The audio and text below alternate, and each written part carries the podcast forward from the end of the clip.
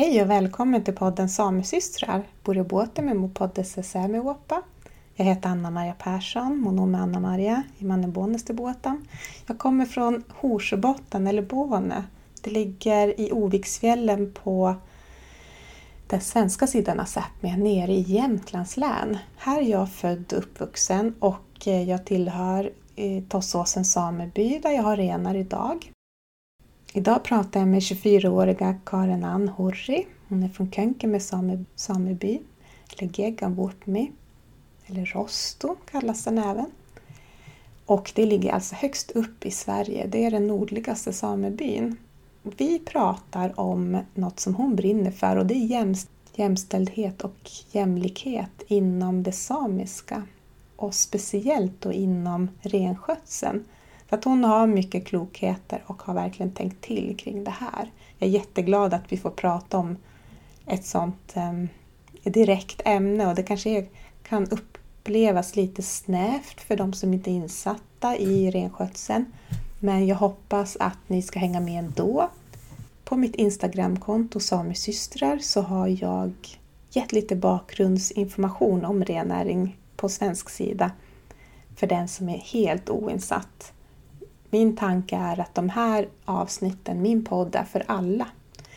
Så att eh, det kanske behövs lite bakgrundsinfo, då finns det där. Eller så kan man titta, man kan googla helt enkelt, så får man ju upp massor av information.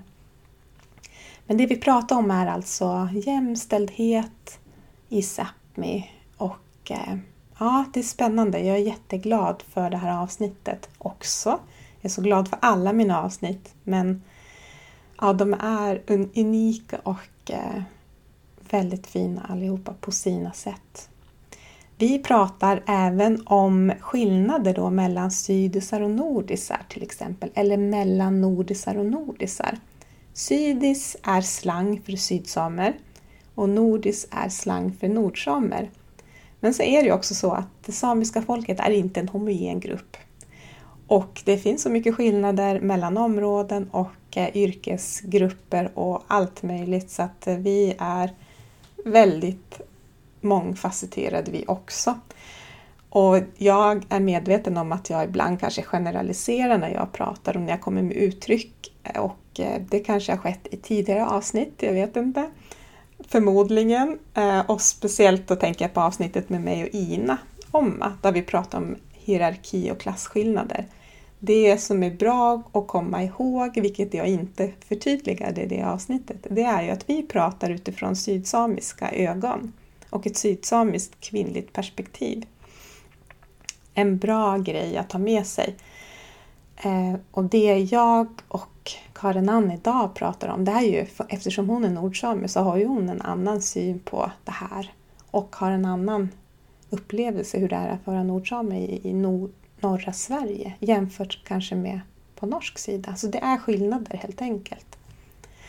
Så jag ska inte prata så mycket mer om det utan vi kör igång. Men först vill jag säga att om det är så att någon vill sponsra min podd så går det jättebra på min hemsida samesystra.se. Man kan swisha eller vipsa eller donera.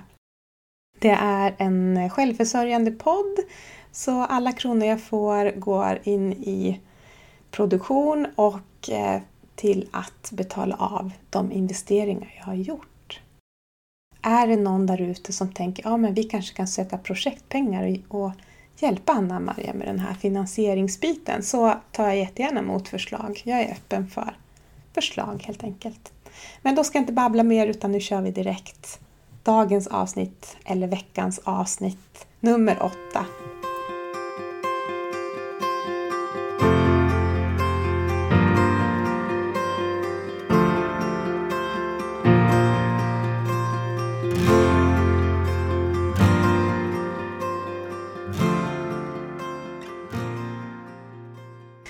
Men eh, ja, vad kul! Eh, Samesyster nummer åtta. Välkommen till min podd Samesystrar. Börja bara med att berätta, vem är du? Eh, tack till att börja med. Eh, Karin Ann Hurri heter jag. Eh, jag är från Karesuando. Eh, född i Finland, i Palojoensu. Och så flyttade vi till svenska sidan när jag var fem. Eh, nu pluggar jag i Väddö som är norr om Stockholm. Mm. Ja. Och vad pluggar du där? Eh, social entreprenörskap. Eh, Mhm. Och det betyder ju då att eh, eh, man är entreprenör fast med en social inverkan. Så att vi designar produkter och tjänster som har en direkt social påverkan. Istället för att man till exempel skänker en del av pengarna till välgörenhet så, så, ja, så ska det liksom påverka på något sätt positivt från, från början. Mm, just det. Ja, men det där att- för att vissa företag de, de kan skriva ja, men äh, överskottet går till bla bla bla. Är det det du tänker att man istället för att gå den långa vägen så kan man direkt påverka samhället? Ja, för att det är ju en, alltså det är en, en grej som trendar just nu. Att folk vill ha eh, miljövänliga produkter Mm. eller att man vill ha eh, menar, alltså, att det man köper är av bra kvalitet eller att det går till något eh, bra ändamål och man vet liksom varifrån det kommer och så. Men istället för att bara själva produkten ska ha en sån stämpel så ska det också direkt kunna påverka till, eh, ja, men till något större. Eh, och till exempel tjänster så, så är det mer kanske att man ja, men gör föreläsningar om, om viktiga eh, samhällsämnen och så Mm. vidare. Eller att eh, man designar eh, event vart man lyfter eh, politiska frågor eller klimatförändringar. Eller, ja, men det kan vara vad som helst men som man eh, jag- Alltså, man utgår väl ganska mycket ifrån de här Agenda 2030-målen. Eh, ja, Just det. Men ähm, vad, har du precis börjat studera eller? Vad är det ja, det är ett, ett år. Ett Så att år? jag har gått, gått snart halva. Mm. Ehm, och eh, jag trivs jättebra. Och det är absolut ingen så akademisk. Alltså jag har alltid haft lite svårt för skolan när man inte får göra saker på sitt eget sätt. Eh, utan när det har varit sådär, men nu ska du göra det här och skriva på det här sättet. Och sen har jag så här bara, men jag vill göra en film istället. Ja, precis. Jag får inte, eh, så kanske lite, ja, men, lite väl kreativ har jag väl varit för akademiska ändamål. Så här har vi så här, ingen kurslitteratur, ingenting, utan det är bara, ehm, ja, bara göra, göra, göra, testa, testa, testa. Och verkligen det här att eh, våra lärare vill ju att vi ska misslyckas. Så Mm. att vi ska lära oss att misslyckas med, alltså liksom komma över det där med att bara för att man gör ett litet fel så har inte världen gått under. Utan det är bara att Mm. ta dig upp och testa igen. Eller du har ju lärt dig någonting. Eller det där var ingenting som kunderna ville ha och, och sådär. Mm. Nej, det där är Mm. nog viktigt. Jag tänker att skolsystemet bara i sig är så himla fyrkantigt. Passar absolut inte alla. Nej. Mm. Har du ehm, har du gjort någonting som har med det samiska att göra i dina studier här nu? Eh, jag utgår ju nästan bara mot Sápmi, eller för Sápmi. Eh, vi har inte hunnit göra så mycket, men jag har till exempel designat en kalender Mm. eh, för 2021, alltså en vanlig väggkalender med mina egna grafiska designer. Och eh, den kan man se och hitta på Instagramkontot Govviron. Mm. Och då var ju tanken den att Eh, det ska för det första lyfta samiska språket. Eh, alltså bara jag som har alltså nordsamiska hemifrån har ju svårt att komma ihåg månaderna. För att man är så van vid att säga, ja, fast man pratar samiska så bara, ja men i aprilen eller i mars eller i januari. Ehm, och sen så innehåller den samiska märkesdagar eh, som jag själv tycker är så här super kul. Alltså just de här Erkebiäivi, den här dagen om det snöar så Mm. kommer det bli en varm eller den här dagen när det, så har jag skrivit också de förklaringarna på dagarna. Mm. Eh, jag tänker att det är så traditionell, Ja. traditionell kunskap som håller på att försvinna. ja, verkligen. Gud vad bra. Mm. Mm. och sen, ja, jag har ju försökt, eh, det känns som att det är typiskt mig, att bara försöka lägga in så mycket som möjligt i så lite, lite förpackning som det går. Så att det är ju också temat på den och sådär, alltså hur bilderna är designade och ska ju liksom lyfta saker som jag brinner för. Mm. Mm. Och vad brinner du för? Eh, jag brinner ju för jämställdhet och jämlikhet. Mm. Eller eh, samisk jämställdhet och jämlikhet eh, som jag då valt att, eller jag har valt att kalla det jag arbetar för, för Dasarvo. Som betyder både och. För vi har bara ett ord för båda, både mm. jämställdhet och jämlikhet. Um, och uh, ja, men, värderingar, alltså traditionell kunskap, uh, värderingar oss samer emellan eller vad för sysslor och så vi värdesätter. Uh, hur det är kopplat till ja, men den stora debatten som vi har globalt om klimatförändringar. Eh, jag har dragit jättemycket paralleller just med, och sen har jag ju sett eh, på sociala medier att det är andra urfolkskvinnor som också har liksom samma approach. Och det är så mm. himla härligt. Mm. Eh, att man, man, det är inte bara jag som har liksom analyserat det så, utan I vissa, alltså vissa triber och alltså stammar och urfolksgrupper så är det ju deras elders som säger att så här, eller så här ser vi på ja, klimatförändringar till exempel. Mm. Uh, och hur det är kopplat till feminismen och den kvinnliga rörelsen. Som, mm. Finns det något som heter samisk feminism? Då eh, blir min fråga. Eller vad, vad kan det vara? Ja, jag tänker att för mig så är samisk feminism att eh, täcka och arbeta med de frågorna som man inte gör i, alltså som berör oss samer eller andra urfolk, men som man inte gör i det svenska samhället. Eh, för att vi lever ju i båda, så att vi kommer ju oavsett bli påverkade av den svenska feministrörelsen, eller norska, mm. eller finska eller ryska, beroende på vart vi bor. Men eh, det finns ju frågor som, som berör oss, eh, oss samer, som man kanske inte tar upp. Och sen så finns det frågor som eh, kanske inte berör oss alls. Eh, och att liksom mm. belysa det också. Mm. Och varför det inte gör det. Har du något bra exempel på, på något som inte rör den sam, samisk feminism jämfört med svensk säger jag, men den icke-samiska? Eller? Um, ja, alltså jag, jag, jag brukar säga det enklaste exemplet är ju um, ja, men huruvida man, när man, vem som tjänar pengar till hemmen. Mm. Och uh, då har man ju i Sverige arbetat för att kvinnor ska få mer inflytande över hemekonomi. Och det har varit en stor del av den svenska feministiska kampen. Men eh, alltså för den samiska jämställdhet, eller inte, hel, inte all samisk jämställdhet, men för renskötarfamiljer eh, så är det ju redan så att det är kvinnorna som förväntas tjäna pengarna. Mm.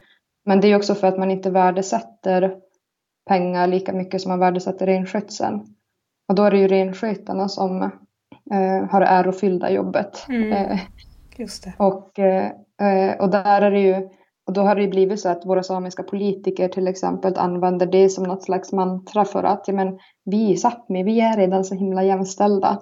För att ja. vi, våra kvinnor, de, har ju, de bestämmer ju över hemekonomin och de tjänar ju pengarna. Och, um, men det är ju bara för att man är så indoktrinerad i det här, ja, men, vad är det svenska politikerna säger, man blir så influenserad av det kanske. Eller så har man helt enkelt inte bara tänkt på uh, att, att det i grunden handlar om värderingar och vad man värdesätter. Ja, för det där har jag hört jag också. Vi är så jämställda. Ja. Men eh, för nu, um, vi kanske ska förtydliga, för du kommer från ren skötarfamilj och jag nästan, brukar jag säga. Eller jag vet inte riktigt hur jag ska definiera mig, även om jag har renar idag. Men uh, kan du se, alltså hur ser jämställdheten ut då i i din sameby till exempel? Vill du berätta något om det? Um, ja, i min sameby, alltså jag tänker att för alla samer så är det väl den stereotyp, eller så här, man förväntar sig inget mer från den nordligaste samebyn i Sverige än att det inte är jämställt. Okej. Är första fördomen jag, om Rostobor.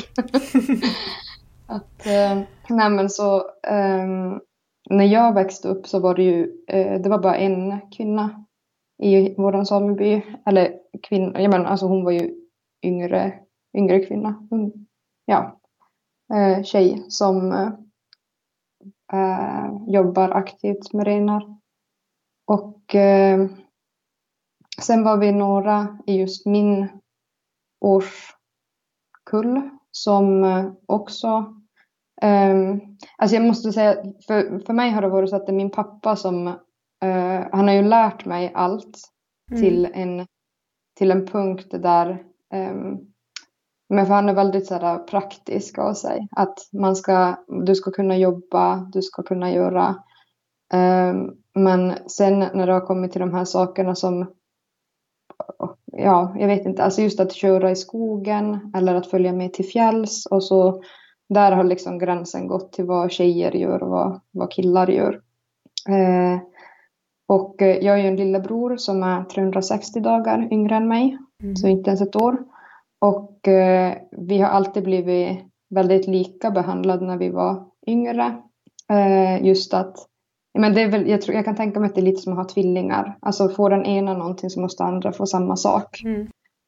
Um, så, så det har ju varit så där att vi har alltid haft samma leksaker, samma, men, samma kläder, alltså egentligen allt.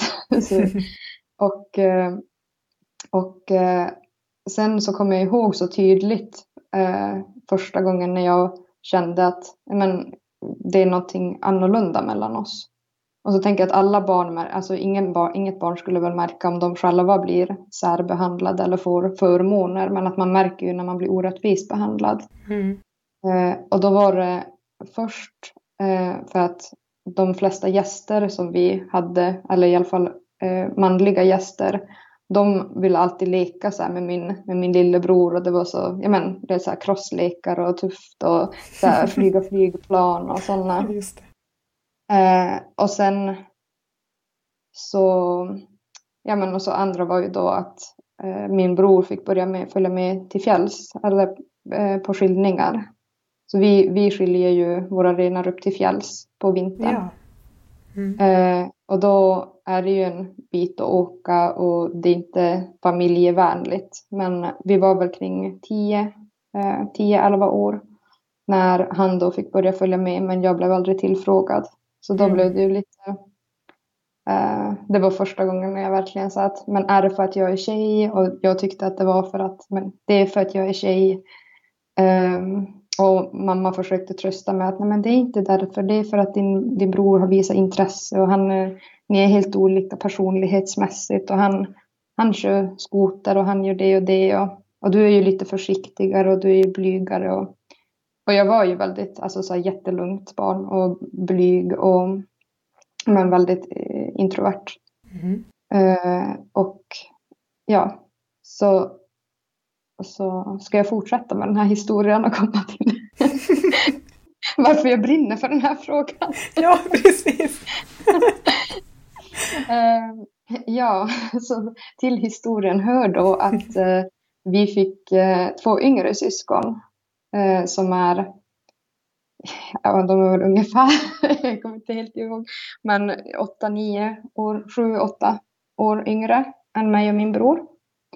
Um, så när de blev små, då blev ju vi, eller då, när de föddes och när de var små så blev ju vi helt plötsligt jättestora barn och skulle kunna allt och klara oss. Och, så vi lärde ju oss att märka alltså renar och kalvar väldigt tidigt. Eh, och, men vi var väldigt självständiga. Mm. Så här, kunde lämnas hemma ensamma, lagade mat, eh, ja, men, skötte ja. det mesta. Vi klarade oss helt enkelt. um, men men eh, sen så kom min mamma till mig någon gång när min syster var ja, men, kring tio år. Och eh, då gick väl jag i högsgymnasiet kanske. och berättade att ja, men det kanske, det kanske inte handlade om så mycket, alltså det här med personlighet och utan det, det kanske är ojämställt för att nu kommer din syster och gråter om samma saker och liksom mm. varför får inte jag att det är för att jag är tjej och, um, och, och, och då är det ju så att hon har alltid varit den här extroverta, eh, busiga, eh, gör för hon tänker tjejen. Och min lillebror eh, har då varit blyga, tillbaka, eller ja, mm. introverta. Mm. Så väldigt lik mig som jag var när ja. jag var barn. Men fortfarande var det då min lillebror, alltså yngre lillebror som fick följa med till skogen och mm. blev mer uppmuntrad att köra skoter och cross och, och så. Eh, men eh, ja, eh, sen har ju min, min syster kanske tack vare mig men kanske också tack vare att mamma fick den här upp, upp, upplysningen. eh, och, och såklart har pappa alltså också eh, eller jag tror att bara på den här korta tiden så har ju samhället förändrats så mycket. Alltså ja. med metoo och alltså det, hela den här feministiska revolutionen. Så att hon är ju mycket aktivare än jag. Eh, min syster, alltså hon kan ju mycket mer än vad jag kan. Eh, trots att hon är mycket yngre. Mm. Och eh, jag tänker att då har man väl kanske varit där och plöjt vägen lite. Ja, någon måste göra det. Ja. ja, men det är så. Vad är det som... Varför har det blivit så här? Och jag blir så här... Jag tror att så här ser det ut i princip alla andra byar också. Alltså, kanske inte alla, men grundtanken känns som att... Eller att det har blivit som att det är det är sönerna, det är sonen som ska ta över. Det är, och inte nödvändigtvis då äldsta heller, men att det, det, det premier, alltså det är pojkar, söner som premieras. Alltid. Och så står en syster eller systrar där och bara Men jag vill också. Men mm. får inte möjligheten. Ja, det är så... När blev det så här? Det kanske inte du har svaret på men, men det är något jag funderar på jättemycket. Var, varför är det så här? Oh. Men jag tänker också så här att för mig eh, så känner jag ju nu att det inte ens är något som jag vill längre. För att, eftersom att, kanske för att man aldrig blivit uppmuntrad, mm. men också för att jag vill inte vara i den miljön. Alltså jag vill inte ha de kollegorna eller jag vill inte, eh, inte för att det är något fel på gubbarna, men alltså det är ju bara gubbar. Eh, så, så, där känner jag så att jag inte... Ehm, det, och, jag, och jag tror att det är problemet med jättemånga eh, utbildningar och jobb, alltså även i, i svenska samhället. Just att, men hur ska man göra det till en miljö där, där kvinnor trivs? Ja. ja. Och, och, just att vem, alla får ju välja själv vilken utbildning eller vilket yrke de vill ha. Men just att man får ju också tänka på att är det inte jämställt eller är man inte där på lika villkor så är det ju klart att fler kvinnor väljer bort att jobba med fordon eller jobba med, med alltså som mäkare eller som byggarbetare och, för att det inte är en trygg miljö. Mm. Gubbarna. ja. Jag kom av mig lite grann. Gubbtätt, ja. Nej men det är ju en speciell miljö, absolut. Så att jag, och, och det kan ju, man kan ju tänka tvärtom också, bara att eh, kanske inte alla söner vill hålla på men det förväntas. Så att det blir ju, det är ju inte heller jämställt på det sättet. Att, att de inte får samma möjlighet att kanske jobba med något annat. Så det är ju både och. Två sidor av samma mynt. Mm. Mm. Jo, verkligen. Det är därför du har börjat med det här, höll jag på att säga. Men, men det är väl en av anledningarna till att jag också vill ha med dig. För att du pratar om de här sakerna. Som feminism och inom det samiska och specifikt inom rennäringen, renskötseln.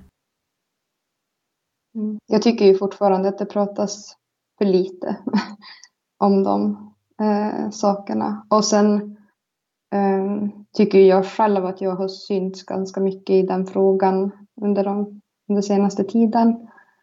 Eh, men jag vill ju verkligen att fler ska arbeta med det för att för varje gång när jag pratar om det med någon, alltså jag tänker som det här samtalet eller som så kommer man ju fram till nya saker och alltså nya analyser och nya tankar. Mm.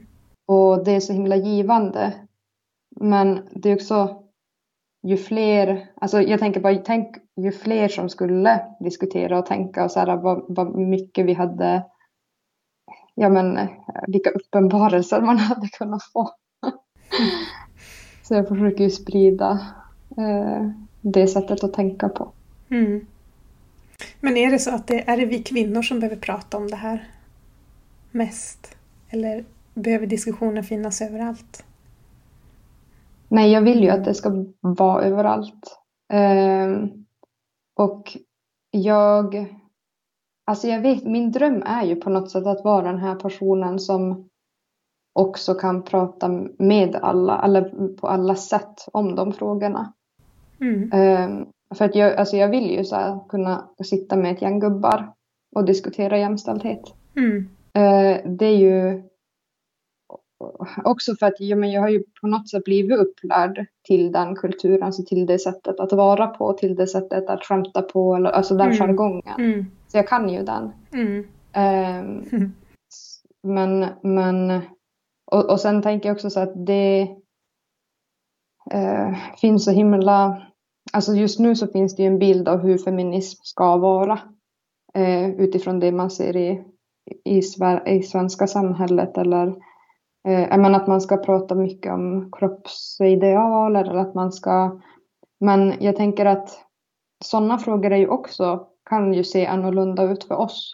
Mm. Eh, till exempel, alltså, och, och, jag tänk, och, och liksom alla frågor, nu har inte jag hunnit själv ens tänka eh, kring allt. Men det hade varit så häftigt om man fick fler perspektiv. Och, um, ja. och jag tänker bara det här med eh, när man säger men att i, i det samiska så är ju kvinnor mycket mer eh, ehm, alltså hyllade. Alltså att man är så här, men, starka kvinnorna och um, ja, alltså att man mm man, man, man, man hyllar sina kvinnor. Men så brukar jag också vara så okej okay, men om man nu gör det så betyder det att vi ska vara tacksamma över det för att man liksom börjar lyfta det mm. lite på det sättet. Att så här, men ska vi liksom, okej okay, mm. då ska vi inte klaga för att vi är ju starka samiska kvinnor som hyllas. Och då ska I min bara... podd! Kom jag på nu. Ja, ja men jag förstår vad du menar. Mm. Ja. Att det borde vara så eh. självklart kanske? Eller? Ja, eller så att, att man kan inte jämföra med... Det är lite det här, men, tänk på barnen i Afrika eller så här, ja. men, tänk på att vi kanske inte har den typen av eh, men, våldtäktskultur eller att man inte, nu säger jag inte, alltså jag vet ju att samiska kvinnor också blir våldtagna mm. av samer. Men, men att det kanske inte är den, alltså samma eh, samma typ av förtryck eller så här härskarteknik, alltså hur man utövar det. Och, Jämfört med? Så. Med svenska, mm. tänker jag. Eh, och, och, det tänker jag väl för, först och främst för att fler samiska kvinnor är ju utbildade än vad män är. I alla fall vår generation eller nu. Mm. Eh, och, och, där tror jag att det kommer mycket till ja, språk och språkanvändning hur man kan alltså, artikulera sig och det kan användas som en härskarteknik och, och den, det finns ju inte på samma sätt i Sápmi som alltså från, mellan, från att det är män som använder, använder den härskartekniken mot kvinnor som jag upplever i svenska samhället. Mm. Och jag tänker just det att det finns ju inte samiska så här, viktiga miljardärsfirmor. Eh, och, och liksom den kulturen Eh, och, och mycket sån här, men så här status. Men vi har ju statuskultur på ett annat sätt. Ja, jag tänkte just på det, men har vi inte en, en sådan? Eh, och då tänker jag då inom renskötseln att det verkligen är status att ha en driftsenhet eller ett renskötselföretag eller vad det nu heter beroende på vilket land man är i. Och att det i sig att det ger en status och samepoäng. Som du så fint uttryckte det eh, här mm. till mig i ett meddelande. För det är väl verkligen status med att ha så många samepoäng som möjligt. Och att det egentligen borde då kanske påverka... Um, ja, men, ja, det blir svårt att, summera allting här. Det är så mycket lösa trådar i mitt huvud. Men just att jag nog ändå skulle vilja säga att det, att det är klart att det ser olika mellan det samiska och det svenska eller icke-samiska samhället. Men att inom det samiska så har vi också hierarkier, vissa grejer som ger mer status och att det i sig nog ändå kan påverka hur män ser på kvinnor i det samiska också. Min egen upplevelse i alla fall. Min egen reflektion av svåra ämnen. mm. Nej, men jag håller med, det är det ju absolut. Och jag tänker att just, att just där så är det ju um, men jag tänker att när man har förstått det, att det är en så stor skillnad kulturellt med vad man värdesätter. Alltså att hela våran hierarki och all våra alla våra jämlikhetskonflikter, eh, eh eller vad man ska säga, i det samiska eh, är ju alltså grundade på att, på att det som är viktigt för oss är samisk kultur mm. och, tradition, och traditionell kunskap. Mm. Inte pengar. Ja. Uh, alltså det är klart att pengar också är viktiga men just, just den här mm. varifrån kommer det att, att renskötare till exempel har mer status. Uh, och att från, om det är från ett visst område eller um, jag menar att, att man har, för, som du och Ina pratade i, i hennes uh, avsnitt så, så var det ju det här, jag menar att ni har fördomar mot nordsamer och det, de ser ut så här. Ja. Eh, och jag tycker att det är så intressant för att det, och jag tänker att så, så associerar ju vi kanske mot Kauto Keinobor, alltså som är ännu högre norrut. Mm. Eh, och jag vet inte riktigt hur jag ska, för, alltså, men det, det, är väl den här känslan av att när det är, ju traditionellare det är, traditionellare det är, desto bättre. På något sätt. Eh, och jag brukar tänka så här, ja, men bara när det är eh, ja, så här, ryska samer eller renskötare från andra ställen i Ryssland. Alltså då sitter ju gubbarna fastlimmade framför tvn och bara det är så häftigt och det är, alltså det, är det som man liksom mm. värdesätter när det mm. är det här back to basic mm. Eh, och, och jag tänker att har, undrar om de, eh, det sättet att tänka gentemot varandra kommer från eh, Alltså vet, ja men kanske lite avundsjuka kanske.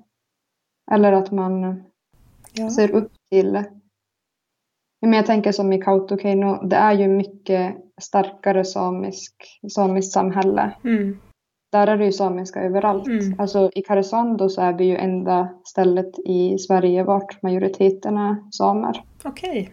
Okay. Mm. Eh, folkning mm. och, och soppero tror jag. Då. Men, men det är ju fortfarande, alltså affärerna ägs ju av svenskar. Och alltså samhället i sig är ju väldigt, alltså det är ju inte det, det är inte uppenbart när du kommer dit att att den som du möter mest troligt är same. Om du är turist eller så. Mm. Men i Kautokeino så pratar ju 93 eller 97 procent samiska. Just det. Till exempel. Mm. Jo. Ja, det är ju många som säger att ja, kanske de från Karasjok inte håller med men, men i övriga Sápmi så att Kautokeino är liksom huvudstaden i Sápmi. Och Karasjok säger väl samma om, om dem. Ja, jag vet inte. Men att just det här med, som jag också kan känna då, att jag själv då som är från syd, Sydsameområde är ju så långt ifrån eh, geografiskt sett eh, Karesuando eller Kautokeino och så. Och att ju längre därifrån kärnan, eller kan man säga att det är kärnan? Nu kanske jag hittar på här också. Men min tolkning av att, att ja, men traditionerna och, och språket är så levande i Kautokeino och eh, rennäringen är så traditionell och så. Det här är ju mina bilder men det kanske inte alls är så idag och jag vet ju att på många ställen så, så är det kanske inte så traditionellt eh, som många, som det var förr då. Men ändå att det här lever kvar i mig också. Um, och för mig blir det ju så här, ja, jag generaliserar ju verkligen. Jag säger alla nordsamer och då drar jag alla nordisar över samma kant, att de är si och så. Och det är också så intressant var det kommer ifrån. Och sen säger du att, ja, men, att det finns eh, skillnader mellan nordsamiskt område också, hur man ser på varandra. Vilket också är väldigt, oh, det är så spännande. Mm. Och viktigt då, tänker jag. Mm. Ja, men jag tänkte på det som äh, du sa tidigare om att, att det kanske inte är samma uppfattning. Äh, men, att, man, att man söderut kanske håller ihop mer än äh, vad vi norrut gör. Alltså, för det är ju, det är ju sant att det är liksom extremt mycket konflikter i Alltså de trakterna vart jag, alltså internkonflikter. Mm. Och en kultur vart, ja men det är mycket sameby, samebyar emellan eller olika sidan emellan, alltså olika mm. renskötselgrupper emellan. Um, och ja men områden och, och, och det finns ju såklart den här historiska förklaringen med tvångsförflyttningar mm. och um, och vet man ingenting om det så kan jag bara passa på att tipsa Herrarna satte oss hit, mm. boken av Elin Anna Labba. Um, och, och där är ju en jätteförklaring på att man, och, och bara det hur samebyar är konstu, konstruerade, att uh, det är ju egentligen så att man har kommit, fram, kommit på att Eh, ja, men alla ni som är i det här området som jobbar med samma sak och egentligen är konkurrenter om man tänker rent mm. alltså ekonomiskt. Mm. Eh, men nu ska ni jobba tillsammans eh, ja. så 60 procent av året och sen 40 procent av året så behöver ni inte göra det utan då alltså det, det är en jättekonstig det är jättekonstiga relationer som man har. Verkligen. Mm som egentligen inte kommer från det traditionella renskötseln. Men som för, för mig så är ju det traditionellt till exempel. Mm. För att det är ju det enda jag vet och min, min pappas generation vet till mm. exempel. Um, och sen Ja, men just det här med hur det fortfarande är mellan gränserna, alltså Sverige och Norge. Vi är ju jätte, alltså vi är ju helt beroende av våra betesmarker på norsk sida och det är ju, vi har ju varit ännu mer och längre ut i Norge än vad vi är mm. idag. Och det är ju en stor politisk fråga och det är ju någonting som berör hela, alltså Sápmi, hur man kommer skriva konventioner, om man kommer göra det och så vidare. Mm. Mellan, de, mellan Norge och Sverige. Um, men sen också så här, äh, jag tror att för, för, en grej som jag började tänka på var när, när jag har läst som, om samisk historia eller om de här olika mötena och olika viktiga personer så är det ju banne mig ni sydisar som alltså har tagit kampen i, i de flesta frågor, alltså varit men, mer politiskt aktiva, alltså verkar som att alltså så här, mer utbildade kanske, eh, alltså tidigare då. Mm. Ehm, eller som man börjar utbilda sig tidigare. Och eh, jag tror att det också kan, eh, för när man förklarar lateralt våld, att man inom en grupp eh, börjar, ja men, att man har konflikter inom minoritetsgrupper eller inom utsatta och diskriminerade grupper Eh, är för att man inte känner att man har makt över att påverka eh, majoriteten eller den som utsätter den. Så då börjar man, börjar man ta ut det här eh, traumat eller de här aggressionerna på varandra. och då har jag tänkt att men tänk om det är så att man känner att man är ännu mer maktlös för att det är så långt, ännu längre ifrån den här svenska stjärnan. Att man känner att man absolut inte har någon eh, påverkan mot och då mm. kanske det är ännu mer. Tänker du då inom det samiska samhället eller inom en sameby eller hur? Ja, jag tänker främst eh, ju längre norrut man kommer så är man ju eh, kanske ännu mer avskuren från eh, staten som mm. vi, mm. Som, som faktiskt är den som har diskriminerat och mm. som är ansvarig för det här laterala våldet som vi mm. har mm. samer emellan. Mm. Eh, och då kanske, det, då kanske man känner sig ännu mindre, att man har ännu mindre makt att påverka Eh, Medan uppenbarligen så är det ju ganska många sydisar som tidigare har kläckt att men vi kan visst påverka. Att vi kan visst liksom börja säga emot, vi kan börja göra. Eh, alltså jag tänker, det, det är alltså ganska många Eh, namn när jag har läst, eller just så att vart man har hållit olika viktiga politiska möten och sånt i Sápmi så är det ju, det är mycket som har hänt i södra delarna. Mm. Men det är väl för att eh, Ja, för att eh, det icke-samiska samhället har kommit eh, snabbare in på, tidigare och snabbare in på. Och att det har tagit längre tid att nå norrut. Helt enkelt att det har med geografin att göra. Så tänker jag i alla fall. Mm. Och som du säger med utbildning och allting, att det bara liksom... Och det är ju ändå negativt i den bemärkningen som jag själv tycker att vi är mer koloniserade. Men det vet jag inte om vi är, men jag bara tänker att våra traditioner, och nu generaliserar jag igen och tänker mycket i, i, i kanske i samebyar och så eftersom jag själv är från en sameby. Att våra traditioner och eh, sätt att eh, se på naturen och ja, men allt sådär, att, att det liksom luckras upp mer och mer snabbare på det sydsamiska området än vad det har gjort norrut. Det här var jag, min upplevelse kring det, för jag har även bott i Karesuando som barn. Um, eller Märtejärvi närmare bestämt. Och även om jag var barn då så kan jag så här i efterhand se tillbaks på min tid där jämfört med min tid nu på sydsamiskt område och se otroliga skillnader i och det förstod inte jag som barn eller så här, egentligen som ung vuxen också vad det var för skillnader men idag så förstärker nog den en, det, de upplevelserna och ändå bilden av, jag, av vad jag har.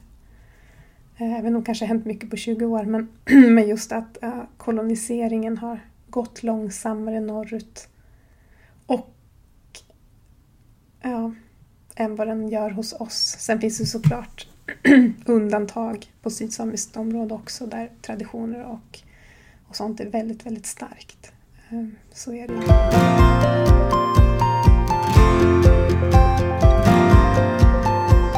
Äh, det är svåra ämnen. Jag tappar bort mig själv i huvudet hela tiden. Jag känner mig modig som har gått in i den här diskussionen. Ja, men jag tycker att den är viktig. Och det är, du, ja, du måste vara Nej, det är du inte. Men du kommer ju från renskötsel bakgrund också. Det tycker jag är extra kul. För jag har som inte haft med någon gäst som har pratat om det eh, tidigare. Och sen just skillnaden mellan norr och, och söder. Den är jättespännande och eh, det visar sig ju att eh, nordisar, nu säger jag nordisar, ah, kanske inte alla nordisar, också har fördomar kring sydisar. Alltså det är jättekul, tycker jag. Ja, mm. men det måste jag säga att det är... Um, alltså jag visste ju inte ens att sydisar fanns innan jag tog konfan. Oj! Och det är ju sjukt. Alltså jag, jag... Ehm, men det är ju en annan, alltså så här, jag vet inte riktigt hur jag ska förklara, men det är ju också en fråga som jag, alltså jag vill ju, eh, jag men, att sådana här frågor ska börja prata som, alltså i hela Sápmi, att man har liksom samma diskussion och eh, att man är på samma sida. Men jag kommer ihåg att alltså jag har till och med kusiner som bor i alltså Karesuando som är sydisar. Men, men jag har aldrig förstått innan konfirmationen mm. att det är, men hur ska man säga att, att eh, alltså jag vet inte hur, vad jag hade för bild av det. Jag, kanske, jag trodde väl att det var eh, ja, men kanske något från norska sidan eller att jag visste inte att det var någonting som riktigt sådär när jag hälsade på alla under konfirmationen att jag bara what? Alltså Oj. shit. Och det är ju jättegalet. Ja. 15 år och helt insnöad i min. Här förstärker var inte Bara jag. Ja, ja, men det var inte bara jag. Alltså det var alla från, från Karesuando och vi var i chock. Vi bara, vad är det? Oj! och samtidigt så är det ju en jättehäftig, alltså för jag tror att jag är väl, jag, jag tycker att den här diskussionen är obekväm av kanske andra anledningar men också för att jag har ju aldrig sett att men, det är så skillnad på sydisar och nordisar för att min eh, enda bild var ju så här wow vad kul. Mm. Alltså så här shit vad, vad häftigt att jag såg ju det nästan som ett annat uh, urfolk, eller så som jag känner när jag träffar andra urfolk för första gången. Att jag bara, ja men shit, vi har typ samma traditioner, jag kan typ förstå de här orden från ett språk och jag kan, alltså att man får lite den mm. wow-upplevelsen. Och det fick jag när jag träffade sydisar för första gången. Bara att det då inte var ett annat urfolk. Men, men kan du förstå hur jag, eh, hur jag tänker? Mm. Att, eh, att när man i samepolitiken till exempel pratar om de här olika skillnaderna mellan grupperna, icke-renskötare och renskötare och sådär så har jag så himla svårt att förstå hur det kan finnas, eller att det finns en att det finns en eh, en konflikt eller att det finns den här hierarkin. För att för mig så är det så här wow, det finns mångfald. Mm. Eh, att alla är inte som vi, alla, alla tänker inte likadant. Så här, det finns Eh, jag menar, när man pratar om menar, hur samebyar funkar där man där till exempel det finns en massa kvinnor som är renskötare, då blir ju jag jättepeppad. Alltså det är ju förebilder. Mm. Um, eller de som har verkligen lyckats bevara språket eh, trots att kanske inte har renskötseln eller att alltså att man för mig så är det så att man kan också vända på hela alltså, på sitt perspektiv, hur man ser på det och ser det som en, en tillgång. Alltså mm. en otrolig tillgång. Mm.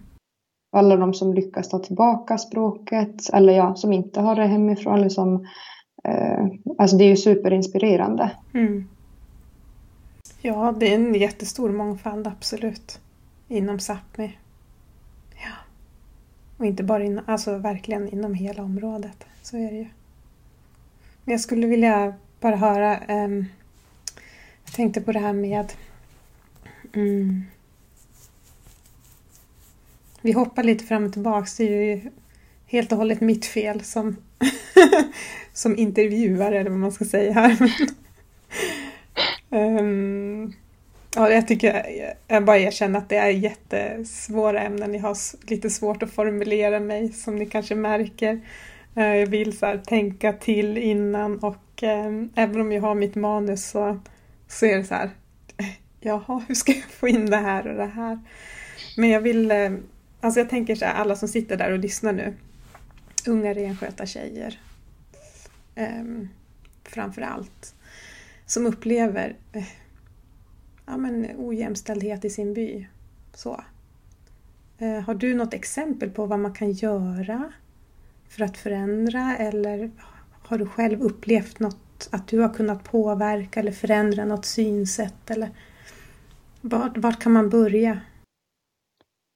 Um, ja, alltså första som jag verkligen önskar det är ju att eh, för, för någonting som jag kan tycka eh, och, och som har hänt i Sápmi är ju att de flesta kvinnor eh, som uppmuntrat, eller som har börjat med renskötseln har liksom tagit till den platsen och varit hårda och tuffa. Mm. Och, och det är liksom det, det som man har att det är liksom det som man har också uppmuntrat. Att men för att du ska kunna bli renskötare då ska du kunna vara så här och då ska du liksom, Mm.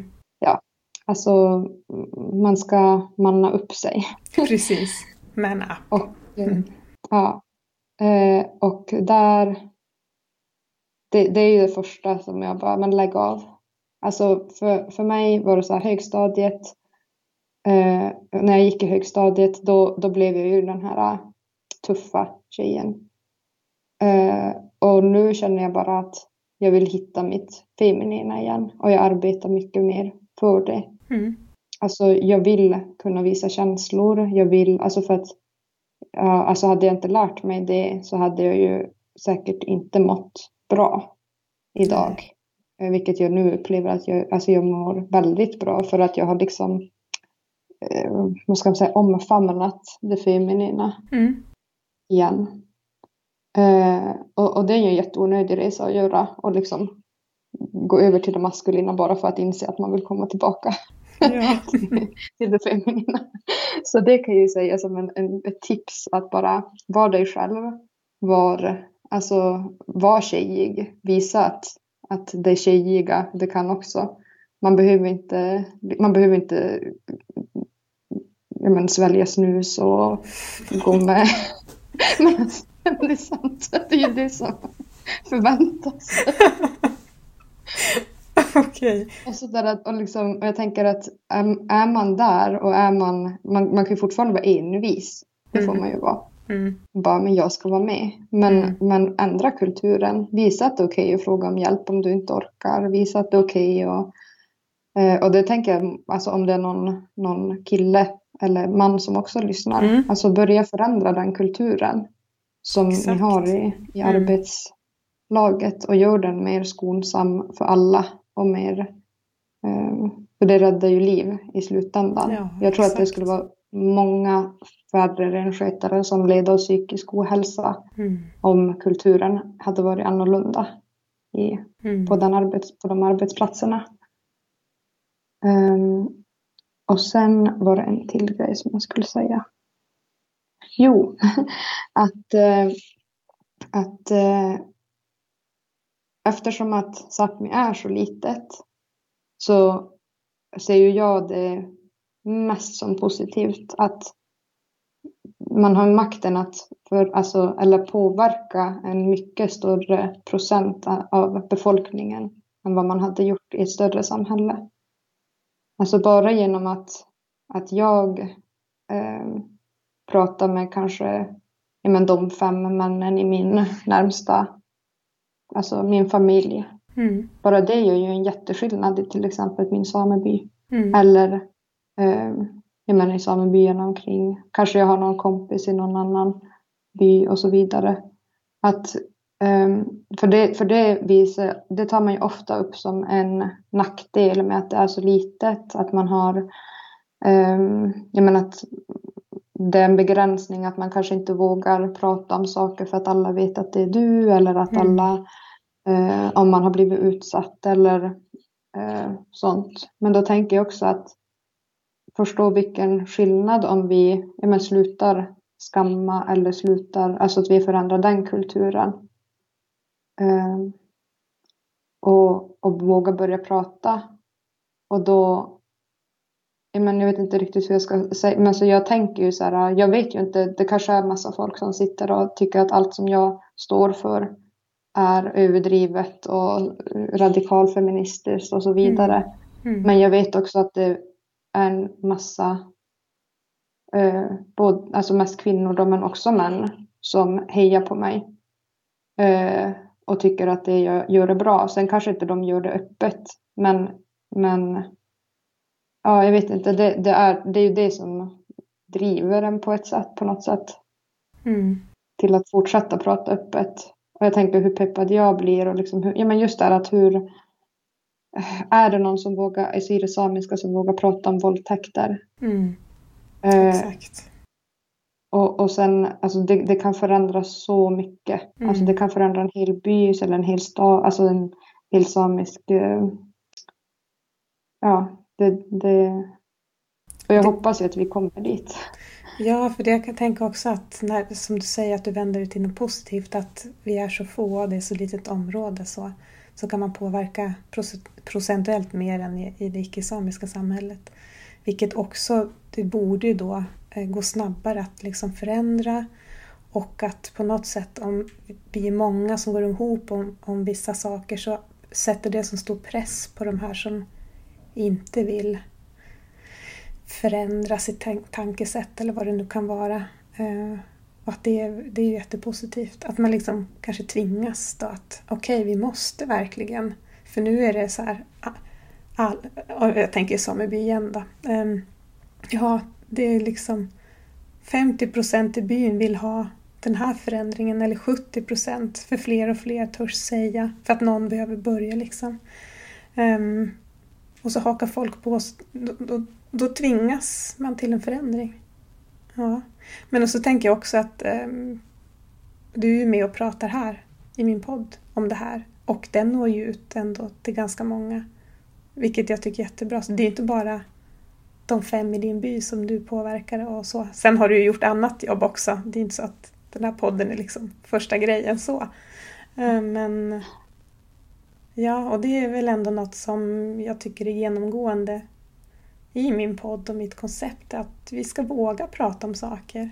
Och våga dela ärligt och öppet om saker, för det påverkar. Eh, ja. Mm.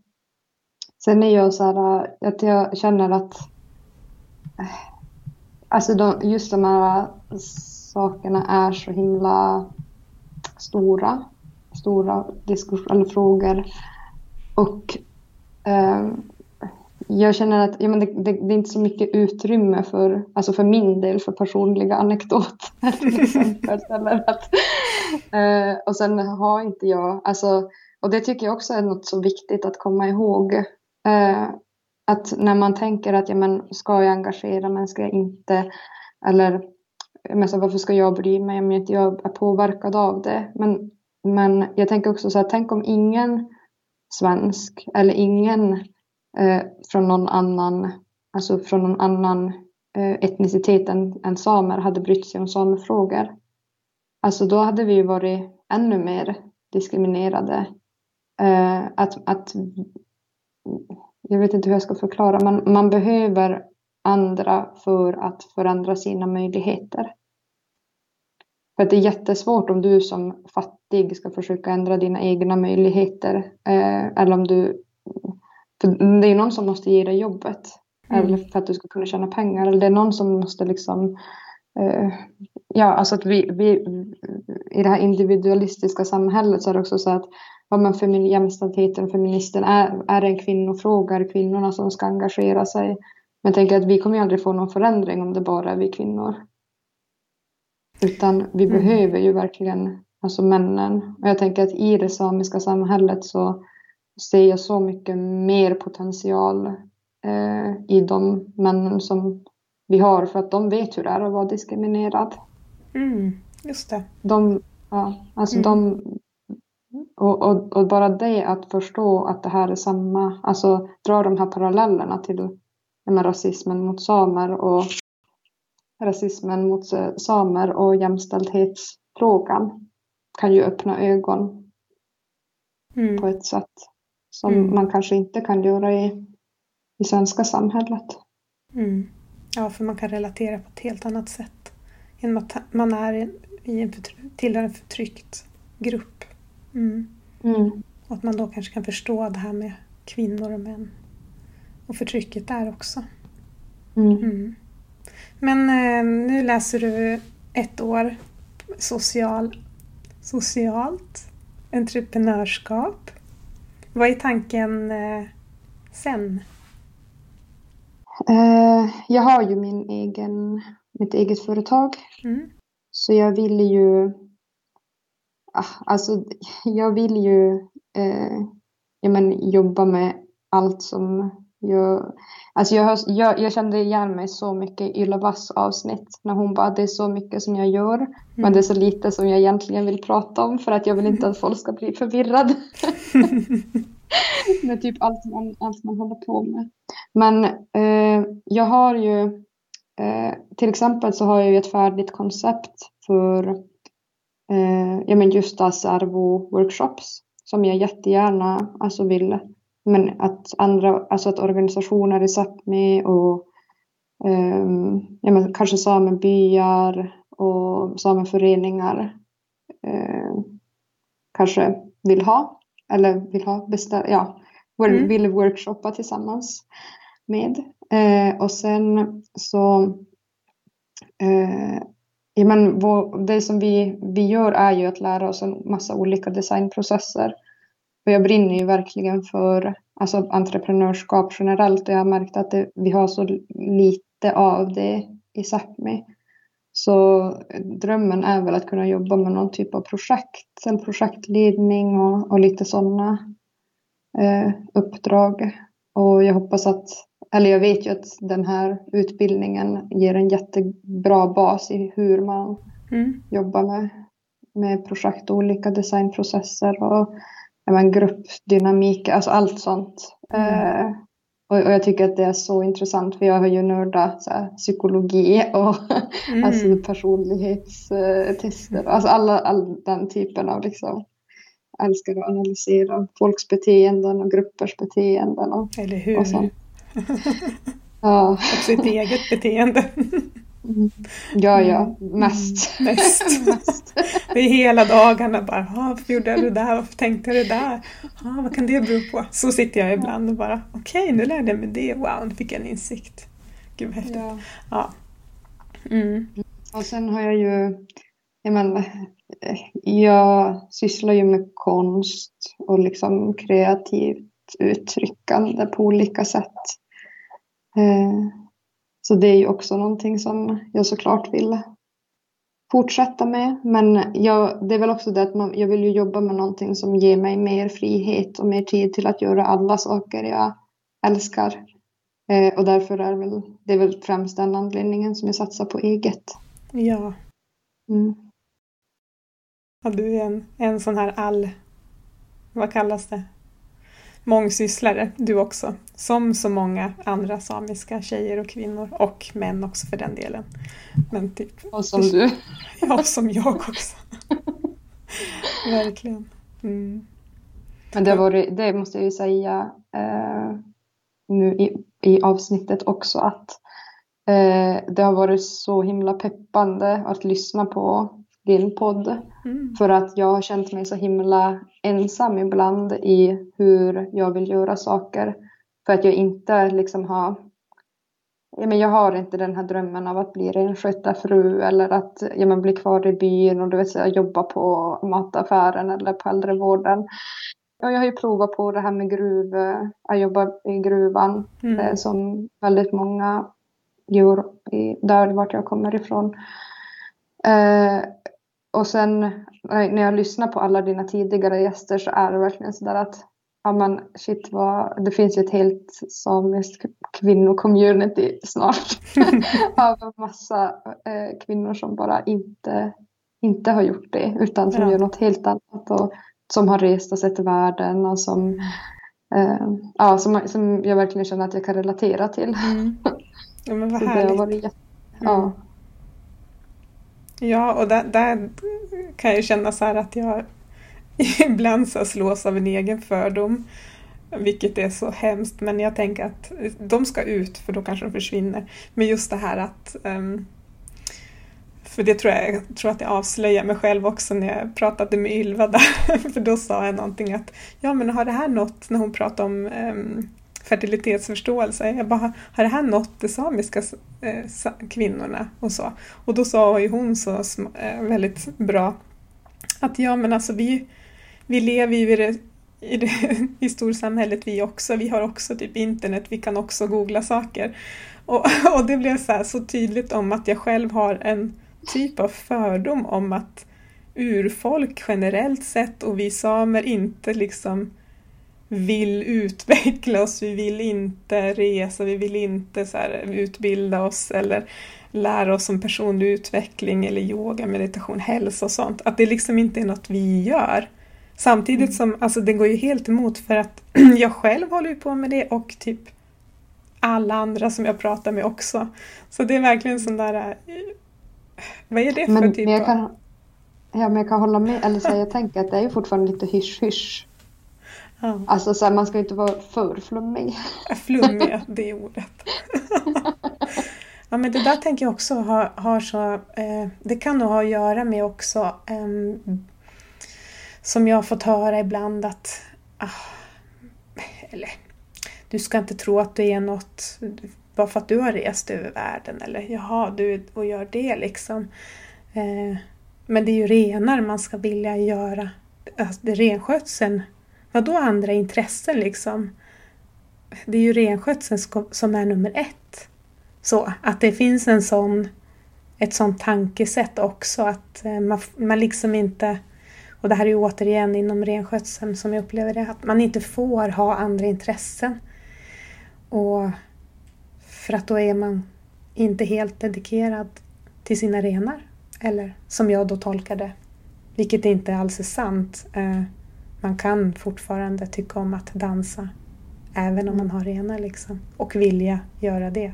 Så. Men, ja, men jag har haft den här diskussionen eh, med en äldre kvinna. Och, eh, jag tyckte, och jag fick ett helt annat perspektiv på den också efter det. Att, för hon sa att men det är ett sånt slöseri. För att alltså jag återgår till det här att det handlar om att den här traditionella kunskapen är så viktig. att man värdesätter den så högt. Och då är det liksom så här, ja men, ja men då hade hon ju sett att jag pratade om just de här frågorna, alltså om Dasarv och om eh, ja men, feminism och så vidare. Och hon bara, men huff, att du orkar, du borde fokusera på det här istället. Det här med konventioner är mycket viktigare. Eller så här, och, och så mm. bara, ja men men va, vad menar du? Och, då, och jag tror att det är det som är att man kanske inte ser, för mig så är det ju så att men det här är roten och mm. grunden. Mm. Jag ser ju det som jag arbetar med som kanske den viktigaste samepolitiska frågan. Mm. Men det är så här, ja men du går inte ut och kämpar mot staten. Mm. Och det är där det liksom um, jag menar, och, och sen är samma sak med språkfrågan. Jag har ju, alltså vi pratar ju flytande nordsamiska hemifrån.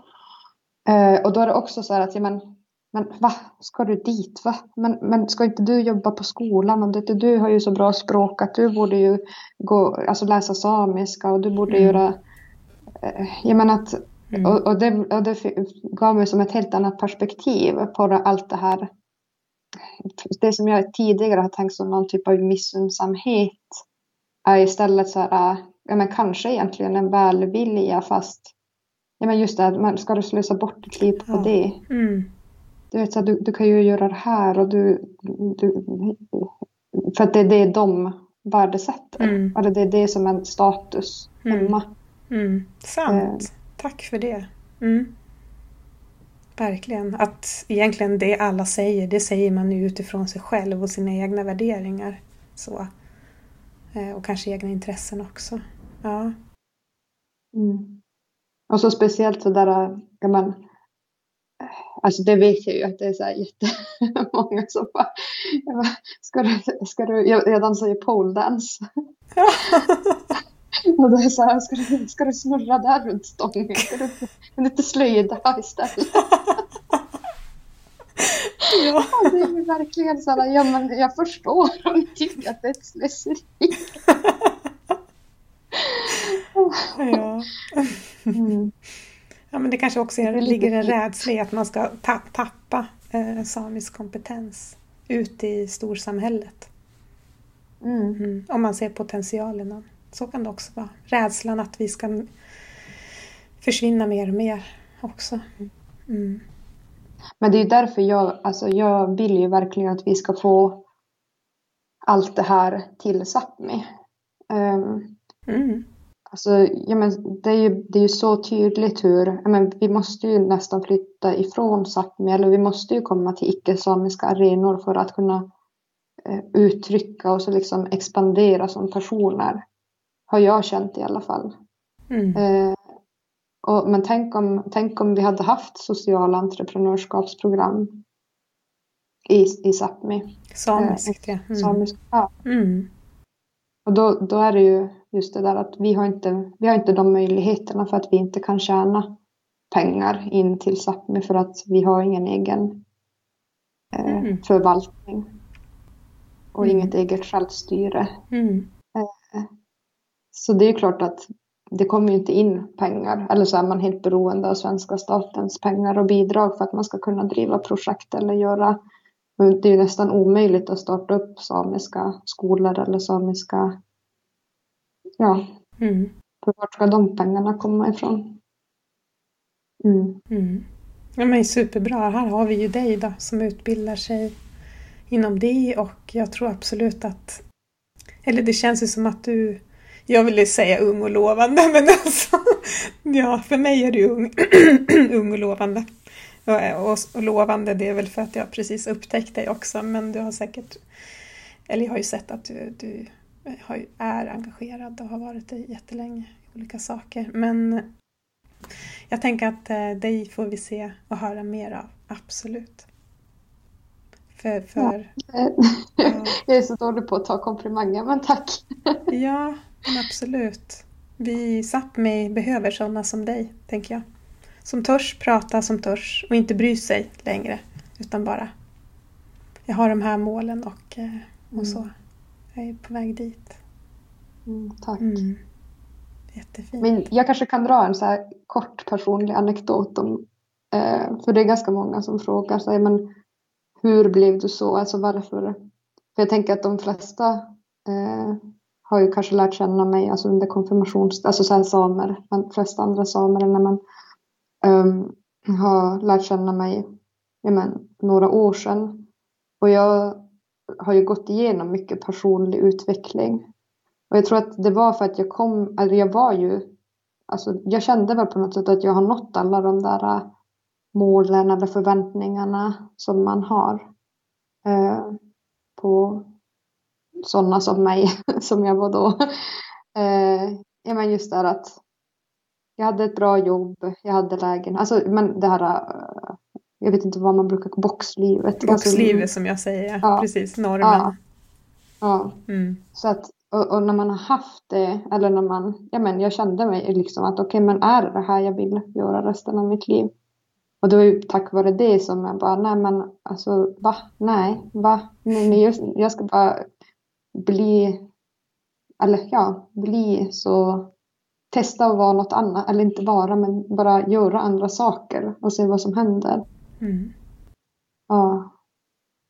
Och det är väl därför, där, när man utsätter sig för obekväma situationer så växer man ju och så blir man ju mindre och mindre påverkad av Alltså det är ju inte obehagligt längre att veta om det är någon som skulle sitta och skvallra om en eller om någon som eh, Alltså den rädslan försvinner ju Mm. för att man har redan hoppat ut från ett flygplan eller man har redan Ja.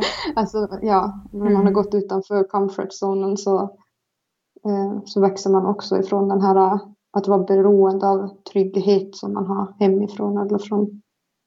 Mm. Mm. Ja, det tänker jag är en förebild för andra tjejer som lyssnar. Att komma eh, från renskötsel, familj, sameby och ändå göra det. Eller våga göra det.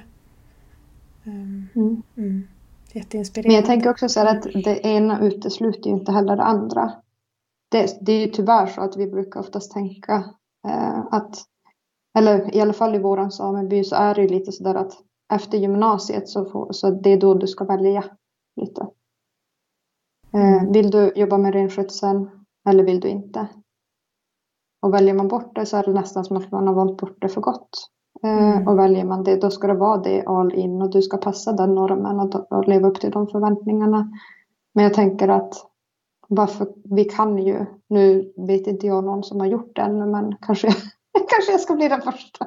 Men, eller någon annan som känner att men, jag kan ju prova både och. Jag kan prova att resa världen runt i några år eller jag kan prova att göra det där och det där. Eller, alltså jag, jag jobbade ju säsongsjobb så att jag har varit hemma med just kallnärkningar, skiljningar, allt alltså när man behövs. Mm. Och sen under de lugnare perioderna då har jag gjort ja, men något helt utanför boxen. Mm. Mm. Mm. Så, så, det, så just att man behöver inte, man behöver inte, man behöver inte bli så fast vid en kategori. Eller en stereotyp eller Nej. mm. Nej, har man möjlighet så, så tycker jag absolut också det. Jag har själv varit utanför Sápmi många, många år. Eh, tills Sápmi drog mig bokstavligen tillbaks. Så att, eh, ja, jag har gjort den resan också. Mm. Mm. Men det vet ju jag redan från, alltså bara nu när jag har bott borta i, sen har jag ju varit upp, alltså hem redan två gånger under den här. Men jag vet ju att jag vill jobba i Sápmi. Mm. Och jag vill, eller jag vill vara hemma. Eh, så nära hem som möjligt. Eh, ja, och, och liksom jobba för, det gör jag ju nu på skolan också. Mm. Jobbar med samiska frågor eller med eh, men olika, alltså i, mitt företagande kretsar helt kring alltså den samiska kulturen. Mm. Mm. Mm. Jag ska länka till det också. Mm, tack. Såklart. Men vi ska börja avsluta. Vi har ju en avslutningsfråga som jag ställer alla. Ställer till alla eh, mina gäster och det är ju vilken samesyster har betytt extra mycket för dig och varför? Ja, och jag har ju haft, eh, jag har ju lyssnat på din podd så jag har vetat att den frågan kommer. du har förberett dig. Ja, lite. Mm. Eh, nej, men jag kände att jag eh, har ju alla mina underbara samesyster, eh, ja, bästa vänner. Eh, men det är för många att nämna och så tänkte jag att om jag ändå bara får nämna en Mm. eh, så är det ju såklart min syster. Mm. Då jag bara har en syster. Mm. Så Marie-Helene Orre är den som är systern. Och riktiga systern. Ja, Mm. fint. Mm. Tack så jättemycket för att du har varit med i min podd. Tack själv för att du bjöd in mig.